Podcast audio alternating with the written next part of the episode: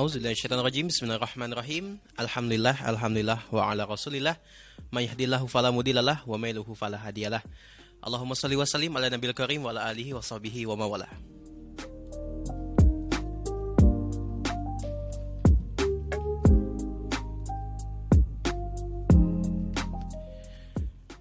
Syahadu la ilaha illallah wa syahadu anna Muhammadan abduhu wa rasuluhu nabiyya ba'da. Qala rabbi sahri sadri wa yassir li amri wa hlul 'uqdatam min lisani yafqahu qawli. Qala ta'ala قاله تعالى في كتابه الكريم أعوذ بالله الشيطان الرجيم بسم الله الرحمن الرحيم والعصر إن الإنسان في خسر إلا الذين آمنوا وعملوا الصالحات وتواصوا بالحق وتواصوا بالصبر صدق الله العظيم.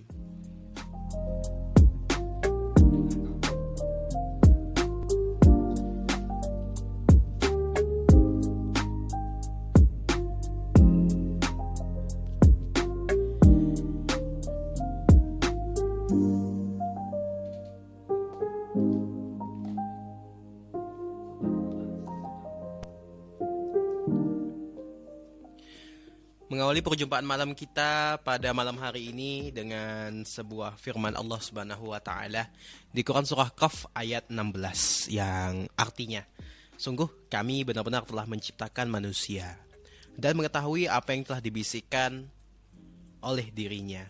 Kami lebih dekat kepadanya daripada urat lehernya.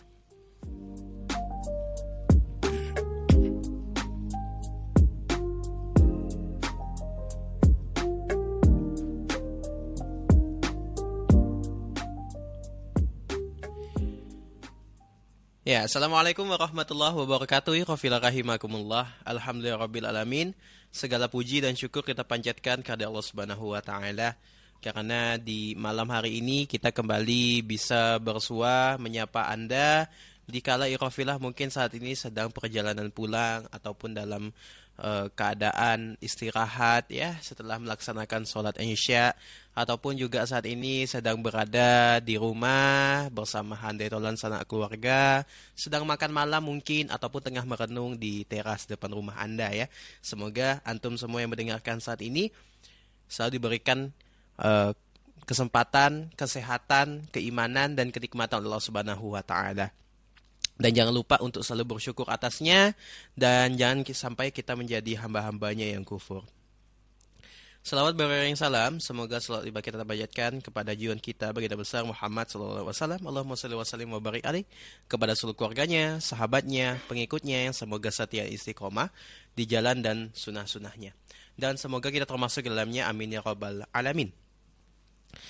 Mengudara 105.8 Mujahidin FM, media dakwah Andai Rafilah di program Menjadi Produktif bersama Akhitama di sini di pukul 8 lewat 6 di edisi hari Rabu 22 November 2023 persempatan di 9 Jumadil awal 1445 Hijriah. Bagaimana kabarnya pada malam hari ini? Semoga antum selalu sehat selalu ya. Dan seperti biasa ya Rofilah, kami akan menemani orang antum hingga pukul 9 uh, malam. Tidak sendirian kita akan ngomongkan ngobrolkan. Tentu dengan narasumber kita yang sudah sejak tadi ada di studio ada Akhi Rudini. Kita sapa dulu beliau. Assalamualaikum ah Waalaikumsalam warahmatullahi wabarakatuh Ahitama yang kece Masya Allah Gimana kabarnya nih ah Alhamdulillah ya walaupun cuaca mendung dan hujan yeah. hati harus tetap cerah ya. Masya ya. Allah. Dan bagi seorang introvert justru kalau hujan tuh membuat uh, apa namanya suasana hati itu menjadi lebih adem. Lebih gitu. adem. Bukan introvert sih, mungkin kebanyakan orang juga mengalami hal yang sama. Hmm, gitu. Oke, okay. lebih suka hujan lah ya. Iya iya iya. Banyak banyak ide jadinya. Banyak ide jadinya ya. Jangan banyak kenangan. Aduh, ah. jangan banyak memori. banyak kan ide ya, Betul. banyak kan ide. Oke, okay, rahimakumullah. Uh, pertama-tama seperti biasa uh, kami tentu akan apa menyapa Irofillah dengan sajian informasi, perbincangan ringan, tips and trick tentu terkait bagaimana kita sebagai manusia, sebagai individu yang saat ini hmm. sangat uh, ditekan lah hmm. oleh lingkungan untuk terus bergerak, untuk terus cepat mengejar bola, bukan menunggu bola, hmm. gitu ya kan, menjadi individu yang produktif. Nah, itu sebuah eh kemampuan atau skill yang diperlukan akhir-akhir ini gitu kan produktif. Yang kemarin kita udah ngomongkan juga terkait hard skill, soft skill dan juga life skill Life ya. skill. Masya Allah. Ini mungkin Irofila sudah melaksanakan ataupun mengingat ya apa-apa hard skill, soft skill dan life skillnya sehingga bisa membedakan tiga hal itu. Nah, kita kali ini kita bakal ngomongkan salah satu dari skill-skill yang ada tadi ya. Hari ini kita bakal ngomong terkait self leadership ya, ah ya. Betul. Betul. Ini berarti uh, memimpin diri sendiri. Nah, oke oke. Se- sebelum kita masuk nih, ah, uh, saya ingin menanyakan uh, sebab musabab. Nah, mengapa iya, sih iya, iya. sebenarnya uh, self leadership ini diperlukan sama kita? Hmm, karena mungkin musim pilpres kali ya. Oke, masuknya ke situ ya. Iya iya iya. Yang memang kita sedang mencari pemimpin ya. Hmm, baik baik. Tapi bukan soal pilpres saja gitu kan, tak juga pilkada dan lain halnya. Artinya orang kemudian banyak berlomba-lomba mencari pemimpin nasional, pemimpin korporat, pemimpin lembaga. Tapi semua itu tidak bisa kalau tidak dilewati satu tahap di awal Hmm. pertama, yaitu apa? Memimpin diri sendiri. Oke. Nah, jadi memimpin diri sendiri itu adalah sebuah tugas yang fundamental setiap individu miliki gitu. Jangan langsung kemudian berpikir bagaimana memimpin orang lain, tapi memimpin diri sendiri saja kita abai dan tidak Oke. peduli gitu. Nah, itu nanti akan bahaya misalnya kalau kita memilih orang yang memimpin dirinya sendiri saja mungkin gagal misalnya. Nah, inilah tugas awal pertama kita untuk menjadi seorang pemimpin kelak di kemudian hari. Walaupun ya eh, saya nggak mau jadi pemimpin ah gitu kan. Tapi hakikatnya bahwa setiap kita adalah pemimpin minimal memimpin diri sendiri gitu Ahitama. Oke, nah ini betapa pentingnya kita belajar terkait leadership, terkait kepemimpinan, bukan hanya skala besar, tetapi sesuatu yang besar berawal dari yang kecil dulu ya. Nah, yaitu diri kita sendiri. Dan dan memimpin diri sendiri bukan hal yang kecil bukan menurut hanya saya. kecil ya. Justru memimpin orang lain jauh lebih mudah sebenarnya. Ada hal-hal sisi-sisi itu juga. Justru memimpin diri sendiri itu luar biasa gitu Oke. dinamikanya Effortnya gitu kan. lebih besar Hmm, ya. lebih besar Oke, gitu. oke, oke. Dan sering kali mungkin kita beberapa hal kalah gitu. Hmm. Di kita mungkin di drive oleh hal-hal yang memang di luar diri kita gitu kan. Hari ini kita kalah memimpin diri sendiri. Nah, ini kita coba belajar nih Hitama ya. Nah, benar benar benar ya. Oke, Rafila, itu sebagai selayang pandang saja untuk sesi pertama ini sebagai sesi eh, apa namanya? introduce gitu. Intro untuk Rafila ya. Mungkin bisa sudah dimaknai, direnungkan bagaimana terkait self leadership ini ya. Nah, silakan bagi Rafila tentu ingin bertanya ya, tidak eh, lengkap rasanya kalau Ikhofila tidak bertanya, tidak beratensi di hari ini, di malam hari ini khususnya di via WA kami tunggu di 81157055758 ya. Dan kalau bisa di via WA saja karena via telepon kami masih eh, terganggu. Oke, bagi Rofila yang mau beratensi kami tunggu dan seperti biasa kita akan mengawali perjumpaan kita dengan sebuah eh, nasyid. Hari ini ada dipilihkan ada Meher Zen, Bika Muhilmi, Fit Mustafa Syesheli. Tetap bersama kami, kami akan segera kembali. Ya, Alhamdulillahirrahmanirrahim. Jazakumullah khairan kasih Rofilah masih setia bersama kami di media dakwah Anda bersama Akhi Tama di sini dan juga Akhi Rudi. Insya Allah akan menemani orang dengar antum hingga pukul 9 malam nanti ya. Insya Allah di program kali ini menjadi produktif menemani orang dengar Anda di Rabu malam malam Kamis. ya, gimana kabarnya ya Rafila? Semoga sehat selalu dan menyapa Anda semua yang mungkin baru bergabung bersama kami di via tele, eh, di via streaming ataupun di via konvensional ya di 105.8 FM. Semoga Anda sehat selalu dan tetap setia bersama kami. Insya Allah kami akan menemani orang dengar Anda hingga pukul 9 malam.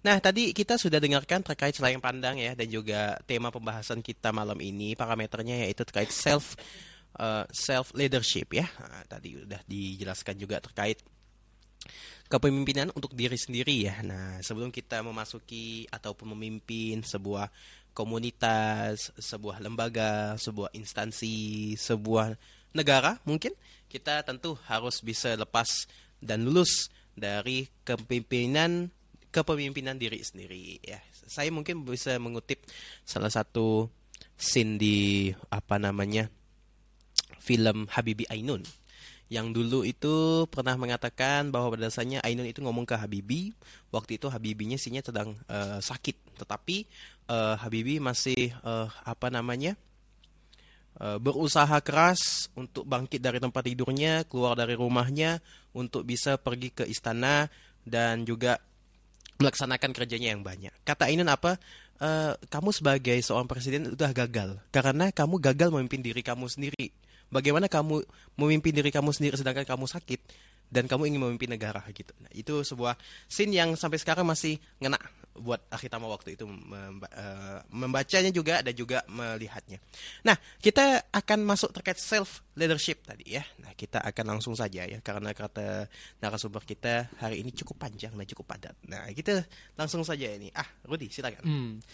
Bismillahirrahmanirrahim. Assalamualaikum warahmatullahi wabarakatuh. Assalamualaikum Alhamdulillahirabbil alamin. Allahumma sholli ala sayyidina Muhammad wa ala alihi wa ashabihi ajmain amma ba'du. Qali rabbi shrahli wa yassirli amri wahlul 'uqdatam min lisani yafqahu qawli.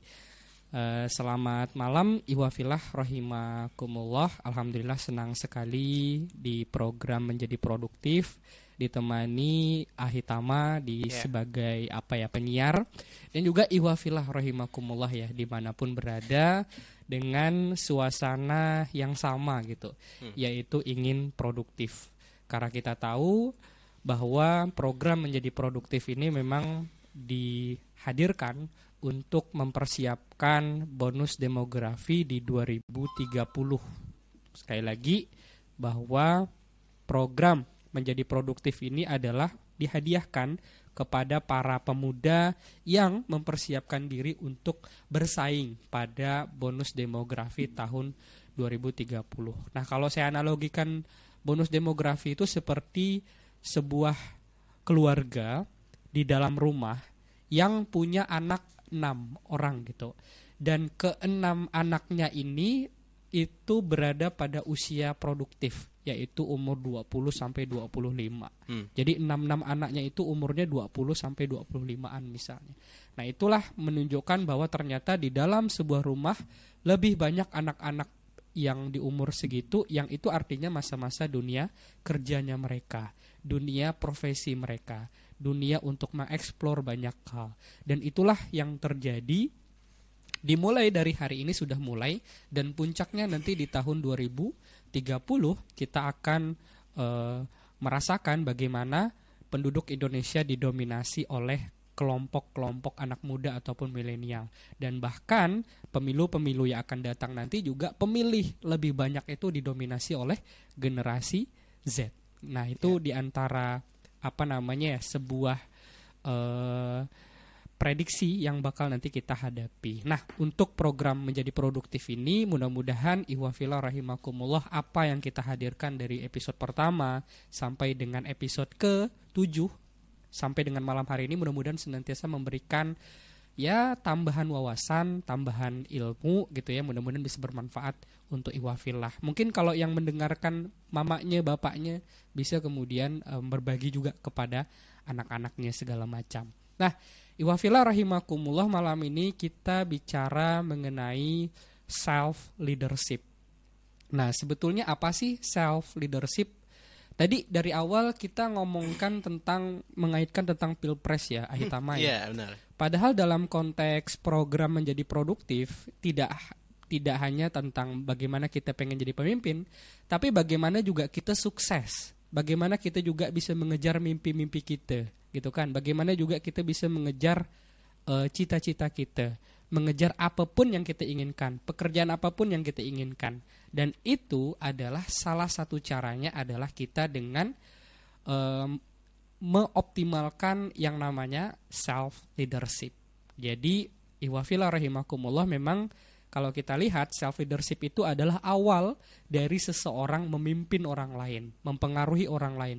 Tapi lebih jauh dari itu, self leadership akan sangat mempengaruhi karirnya, mempengaruhi kesejahteraannya, mempengaruhi masa depannya. Apakah baik atau justru buruk. Nah, sekarang kita mulai ya dari sebuah ayat di dalam Al-Qur'an bahwa Quran surah Ar-Ra'du ayat 11. Nah, bahwa artinya sesungguhnya Allah tidak akan mengubah suatu kaum kalau ya eh, kaum itu mau mengubah sendiri. Kurang lebih seperti itu eh, apa namanya redaksinya gitu. Jadi sesungguhnya Allah tidak akan mengubah keadaan suatu kaum sebelum mereka mengubah keadaan diri mereka sendiri. Jadi Allah nggak akan mengubah hidup kita. Allah nggak akan apa ya semudah itu membuat kita menjadi A, menjadi B, menjadi C kecuali kita sendirilah yang mulai pertama kali untuk mengikhtiarkan seperti itu. Nah, berangkat dari filosofi itu iwafilah penting sekali kita memiliki yang namanya self leadership. Nah, self leadership itu apa? Self leadership itu adalah kemampuan seseorang untuk memimpin dirinya sendiri. Nah, itu bahasa bahasa mudahnya. Tapi intinya sebenarnya ahitama self leadership itu adalah self control. Oke. Ya, jadi gini, eh kita nih kan kalau ditanya kita bisa ndak ngubah nasib gitu di masa depan nanti. Kira-kira Hitama jawab apa nih? Oh, bisa dong. Bisa. Bisa dong. Jadi ternyata iwafillah nasib itu bisa kita ubah gitu, bisa kita buat, bisa kita skenariokan, bisa kita plankan. Dengan apa? Dengan tadi self leadership. Yaitu apa? Self control. Kita harus fokus kepada hal-hal yang bisa kita kontrol. Fokus saja di situ. Nah, ketika kita fokus kepada apa yang bisa kita kontrol, bisa kita kendalikan, maka itu akan mempermudah kita untuk mengembangkan keterampilan, meningkatkan wawasan, termasuk memudahkan kita untuk ya mencari pekerjaan yang sesuai dengan yang kita inginkan. Ya, jadi pada intinya adalah sekali lagi self leadership itu adalah merupakan self control. Apa yang dikontrol yaitu hal-hal yang bisa kita kendalikan. Jadi self regulate. Jadi kita meregulasi diri. Makanya apa ya menurut saya diri sendiri itu adalah laboratorium kehidupan Ahitama. Oke. Seseorang yang menjadi CEO, menjadi owner, menjadi bos, menjadi founder itu tuh adalah sebuah apa ya dimulai dari diri sendiri. Diri sendiri gitu. Kita bisa jadi CEO bagi diri sendiri, kita bisa jadi founder untuk diri sendiri gitu kan. Karena diri sendiri itu bukan sesuatu yang mudah. Jadi kalau kita kemudian terampil self regulate diri kita, mengatur diri kita, mendriver diri kita, maka insya Allah ketika kita coba tampil di masyarakat dengan memimpin sebuah organisasi, itu insya Allah akan jauh lebih mudah. Nah, tadi saya bilang self control yaitu mengontrol hal-hal yang bisa kita kendalikan. Nah, apa sih yang bisa kita kendalikan? Nah, ini ada lima ahitama Oke. yang bisa kita kendalikan. Oke. Ada lima hal yang bisa kita kendalikan iwafilah rahimakumullah. Nah, kebanyakan mohon maaf, kebanyakan orang yang stres, yang pusing, bingung gitu kan nggak ada tujuan hidup. Kenapa? Karena dia terlalu pusing kepada di luar dari lima yang bisa dia kontrol ini gitu. Nah, jadi eh, sangat kemudian mencuri waktunya dan membuat dia rugi banyak hal ketika dia terlalu fokus mencurahkan perhatian pada hal-hal yang tidak bisa dia kontrol. Nah, makanya tugas kita adalah fokus yuk kepada hal-hal yang bisa kita kendalikan, yaitu men-self leadership kita dengan lima hal. Yang pertama, karakter ahitama. Jadi nasib itu kan tadi bisa diubah. Betul. Dengan apa? Dengan karakter. Hmm. Nah, karakter itu mulainya dari mana? Karakter itu mulainya dari kebiasaan. Habit ya. Kebiasaan itu mulainya dari mana tapi? Kebiasaan itu mulainya dari tindakan. Hmm. Tindakan itu mulainya dari mana? Tindakan itu mulainya dari pikiran. Dan pikiran itu mulainya dari mana? Dari perasaan. Jadi ada polanya. Tindakan, kebiasaan, eh, eh, karakter, mohon maaf, kebiasaan, tindakan, pikiran, dan perasaan. Jadi hal yang pertama kali yang perlu kita atur, yang perlu kita driver, yang perlu kita kelola adalah perasaan kita. Dari perasaan yang baik, dari perasaan yang positif, insya Allah akan melahirkan pikiran yang baik. pikiran yang positif. Kalau sudah baik dan positif, maka insya Allah akan terimplementasi terhadap tindakan-tindakan kita, Tama. Betul nggak? Betul, betul. Nah, ketika tindakan kita kemudian terbiasa, kita mendapatkan banyak vibes yang positif, maka insya Allah akan menjadi kebiasaan. Sesuatu menjadi kebiasaan karena tadi berawal dari perasaan, berawal dari pikiran, berawal dari berawal dari tindakan-tindakan yang kecil sampailah kemudian menjadi kebiasaan.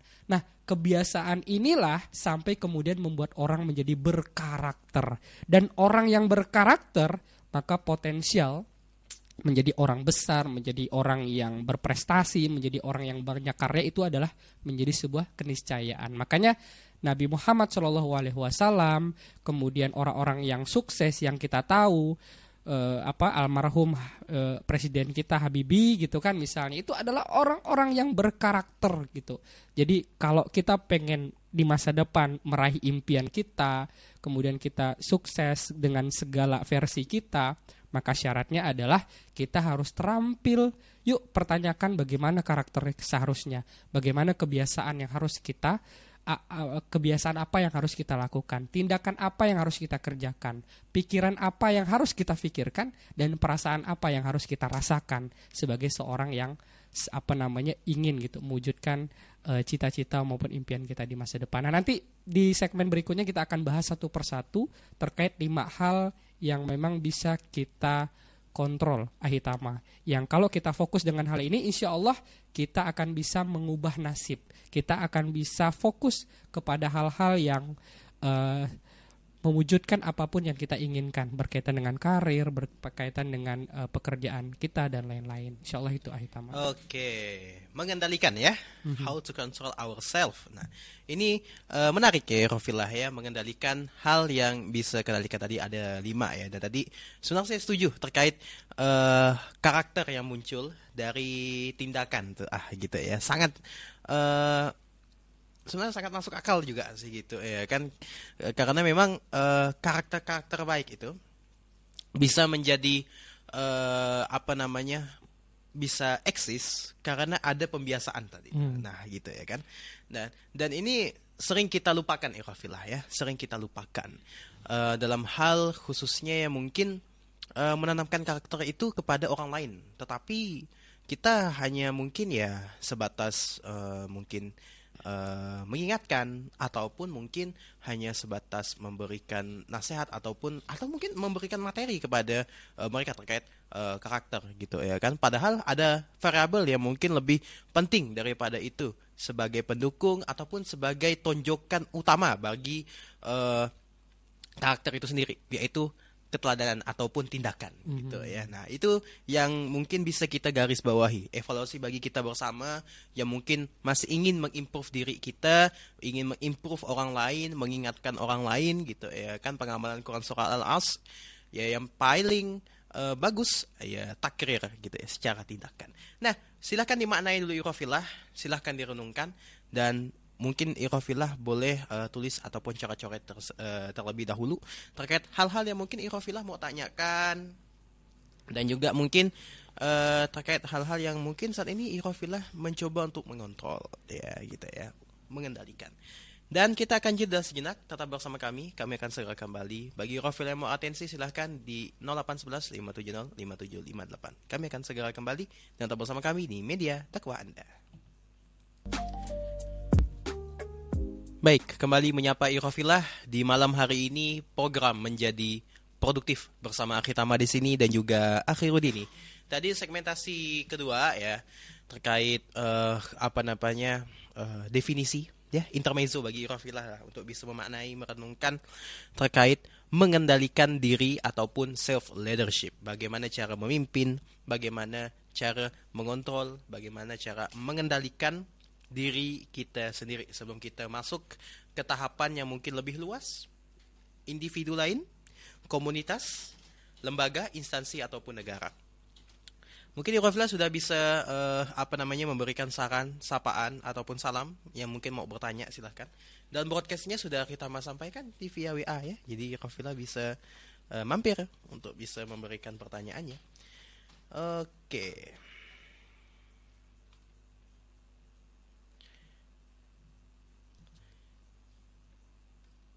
Ini ada yang beratensi sebagai pesan saja, bukan pertanyaan.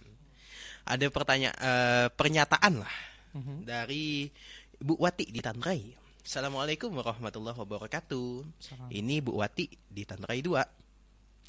Tiap pemimpin ditanyakan di akhirat amanah siap apa staf staf sidik tablik amanah fatona kadang ada tumbal barulah jadi pemimpin Hei, maaf ya, kayak petugas pemilu banyak wafat karena lelah. Oh, Oke, ini sebagai renungan saja ya. Mungkin boleh jadi Refleksi eh, ya. eh, refleksi ya. Mungkin jadi boleh jadi eh, bahan nanti untuk eh, akhir pekan ya. Iya, iya, iya. Oke, kalau Eurofila mau beratensi silahkan mau beratensi lagi. Terima kasih Bu Wati Tanra ya atas eh, refleksinya. Dan semoga Ibu sehat selalu dan juga diberi kelapangan hati dan pikiran. Dan kita akan kembali melanjutkan Eurofilah. Tadi udah dijanjikan sama Ah ya terkait lima hal ya penyampaian lima hal yang mungkin bisa kita kendalikan, bisa kita kontrol, bisa kita pimpin khususnya dalam self leadership. Nah, silahkan. Ya, jadi eh, balik lagi Iwafilah kita nih kan pengen nasib kita di masa depan nih kan bahagia, Betul. sukses, ya kan bahagia dunia, bahagia akhirat, kita mulia, kita sukses. Nah, bisa nggak sih kita mencapai itu? Jawabannya bisa gitu. Bagaimana caranya? Dengan self leadership. Apa itu self leadership? Adalah kita fokus pada hal-hal yang bisa kita kontrol. Artinya kita berkuasa penuh atas diri kita sendiri. Ini kita ngomongin terkait itunya ya, apa namanya? eh, ilmunya gitu. Bahwa pada akhirnya Allah Subhanahu wa taala yang menentukan hidup kita itu udah pasti gitu kan. Sebagai seorang muslim seorang yang taat beragama kita wajib meyakini itu. Tapi ini adalah bentuk ikhtiar kita iwafilah rahimakumullah bagaimana Allah memberikan kita akal dan kita coba gunakan yaitu apa? Untuk bagaimana kita bisa memanajemen mengatur diri kita. Itulah yang disebut dengan self leadership Kenapa ini juga penting dibahas? Karena memang tidak sedikit kemudian orang yang di driver oleh sesuatu yang apa ya bisa dibilang hal-hal yang negatif gitu. Pikiran-pikiran negatif yang kadang sering muncul di setiap momen-momennya dan itu kadang me- membuai kita gitu melalaikan kita gitu. Bahkan membuat penyakit disebabkan karena pikiran-pikiran negatif kita, overthinking dan lain segalanya. Kemudian kadang juga kita di driver oleh rasa malas. Ya enggak Tama. Di driver oleh rasa malas, mood yang kurang baik sehingga kita tidak bisa berbuat banyak. Kita tidak bisa menuntaskan pekerjaan-pekerjaan yang memang kita harus selesaikan sebagai seorang pekerja misalnya yang memang itu tugas kita. Tapi kita nggak bisa berdaya karena kita di driver oleh rasa malas. Seringkali kita menghadapi hal-hal ibarat gini kita nggak bisa melawan diri kita sendiri. Kita kalah oleh diri kita sendiri. Nah di self leadership ini yuk sama-sama kita melawan diri kita yaitu apa? Diri yang sisi negatifnya supaya justru yang mendominasi adalah sesuatu yang positif dalam diri kita. Apa? Lima hal perasaan yang positif, pikiran yang positif, tindakan yang positif, kebiasaan yang positif, dan karakter yang positif. Lima hal positif ini uh, powerful banget untuk mengubah nasib kita di masa depan dengan berbagai cara tentunya. Nah, jadi eh, pola pikirnya seperti itu. Apakah kita bisa mengubah nasib? Bisa. Dengan cara apa? Satu, dengan karakter kita. Nah, apakah karakter itu mudah dibentuk? Enggak mudah harus melalui jalur kebiasaan dulu baru kemudian menjadi karakter. Tapi kebiasaan ini juga enggak muluk-muluk langsung jadi kebiasaan, harus juga dengan dimulai dari apa? tindakan. Nah, tindakan ini kan juga perlu pemahaman gitu ya. Betul. Nah, maka tindakan ini supaya tindakannya benar itu harus berlandaskan pemahaman. Makanya kita juga harus fokus ke pikiran kita juga. Nah, pikiran ini kan juga kadang di driver oleh perasaan. Nah, yang terakhir adalah perasaan. Banyak juga ya lima hal yang harus kita self regulate yang kita kontrol dalam diri kita. Nah, masalahnya juga adalah kita terlalu fokus dengan perasaan orang. Satu, pikiran orang. Dua, tiga, tindakan orang. Empat, kebiasaan orang dan terakhir karak karakter orang. Nah, kelima hal ini yang sering kali jadi fokus kita, yang akhirnya membuat kita tidak ke mana-mana, diam di tempat. Nah, oke, okay, kita akan bahas yang pertama.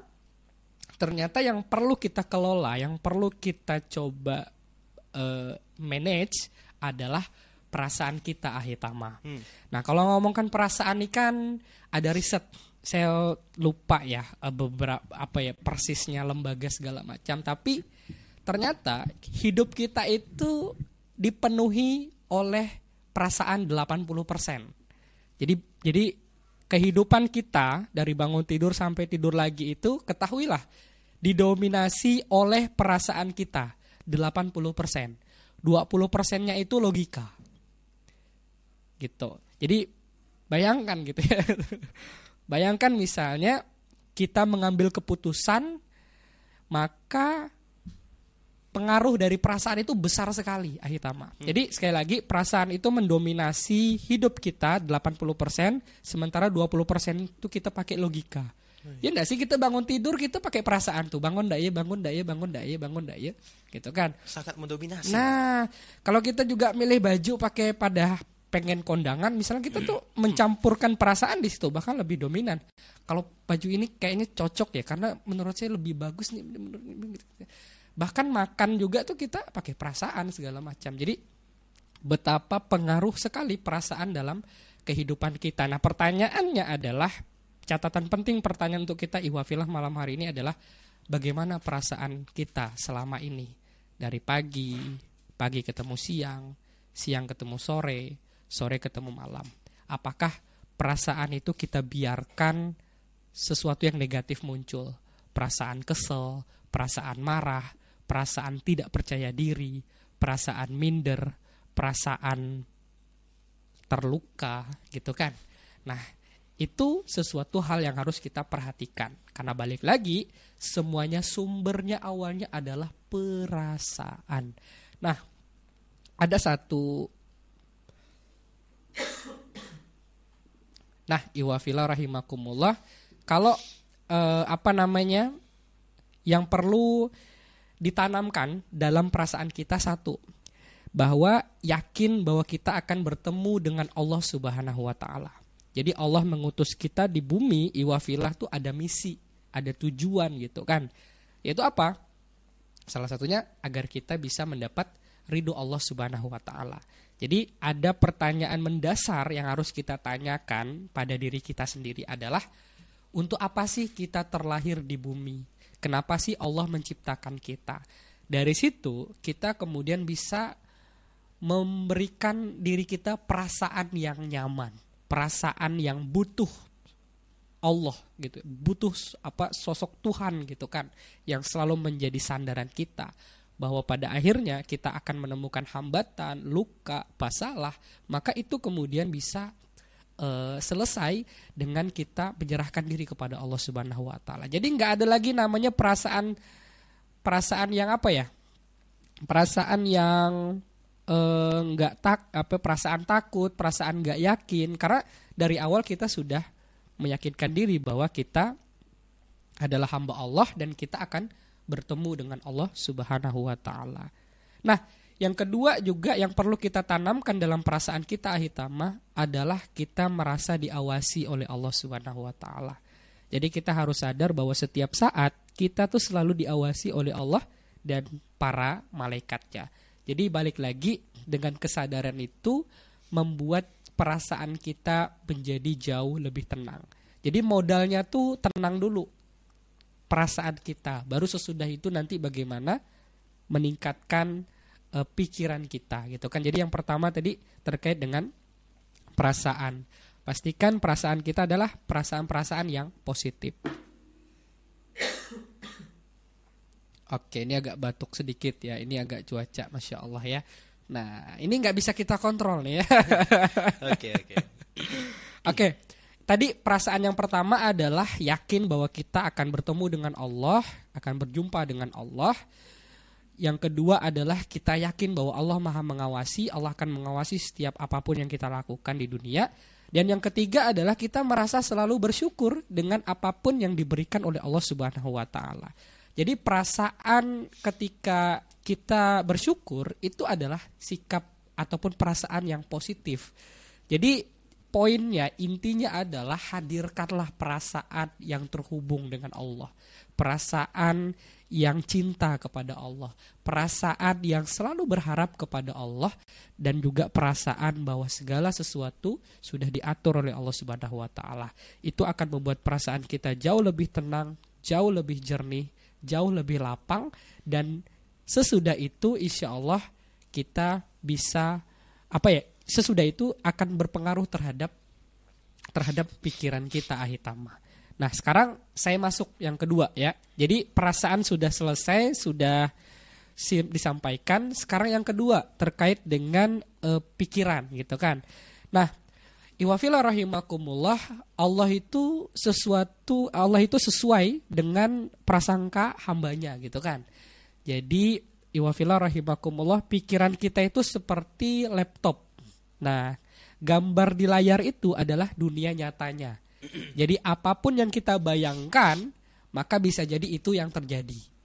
Jadi kalau kita terlalu mikir negatif, terlalu mikir yang traumatis, yang yang negatif lah, maka itu bisa kemungkinan e, terjadi iwafilah rahimakumullah. Karena disebabkan oleh pikiran-pikiran kita yang kemudian mendekat gitu kan e, terhadap sesuatu yang awalnya tidak terjadi tapi bisa jadi terjadi. Nah, kalau terhadap pikiran ini Ahitama saya membaginya dua.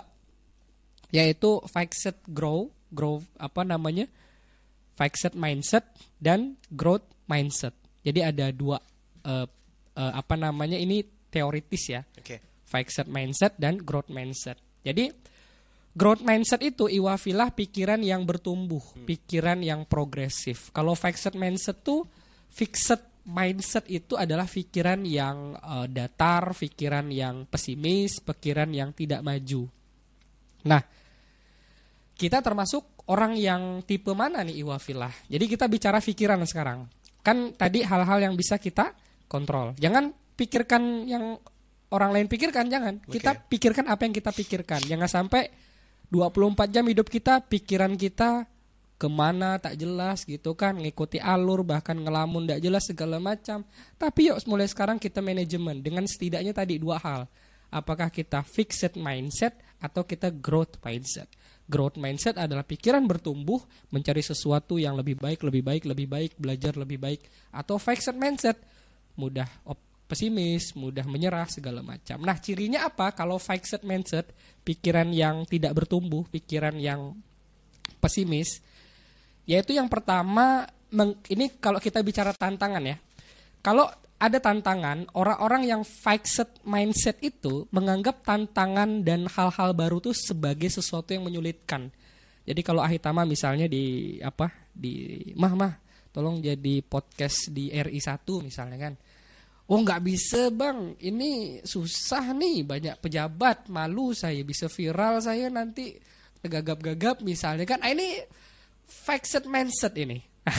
gitu kan. Jadi orang-orang yang tipe fixed mindset ketika melihat tantangan itu udah ketakutan duluan gitu. Okay. Merasa sudah terancam, merasa sudah gagal segagal-gagalnya. Okay. Berbeda dengan orang yang berpikiran growth growth mindset gitu. Apa yang terjadi ketika orang growth mindset ini melihat tantangan?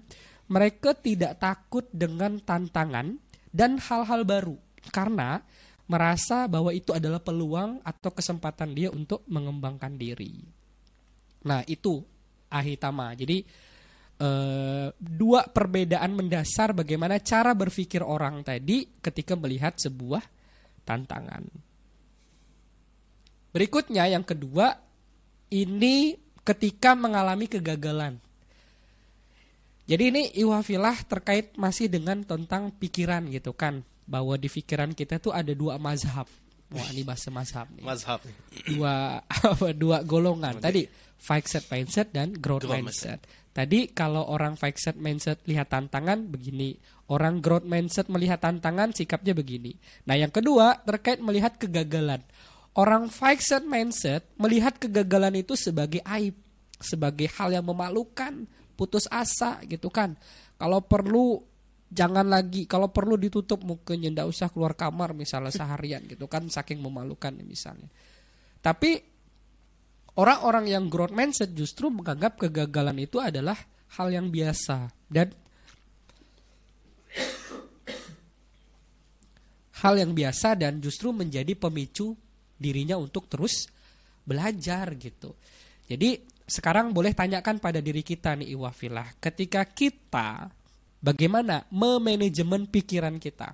Saya yakin Anda yang mendengar pasti pernah diberi kesempatan misalnya untuk maju sebagai MC, untuk maju sebagai orang yang misalnya diwakilkan dalam banyak hal misalnya. Atau Anda dipercayalah untuk kegiatan tertentu. Bagaimana respon Anda?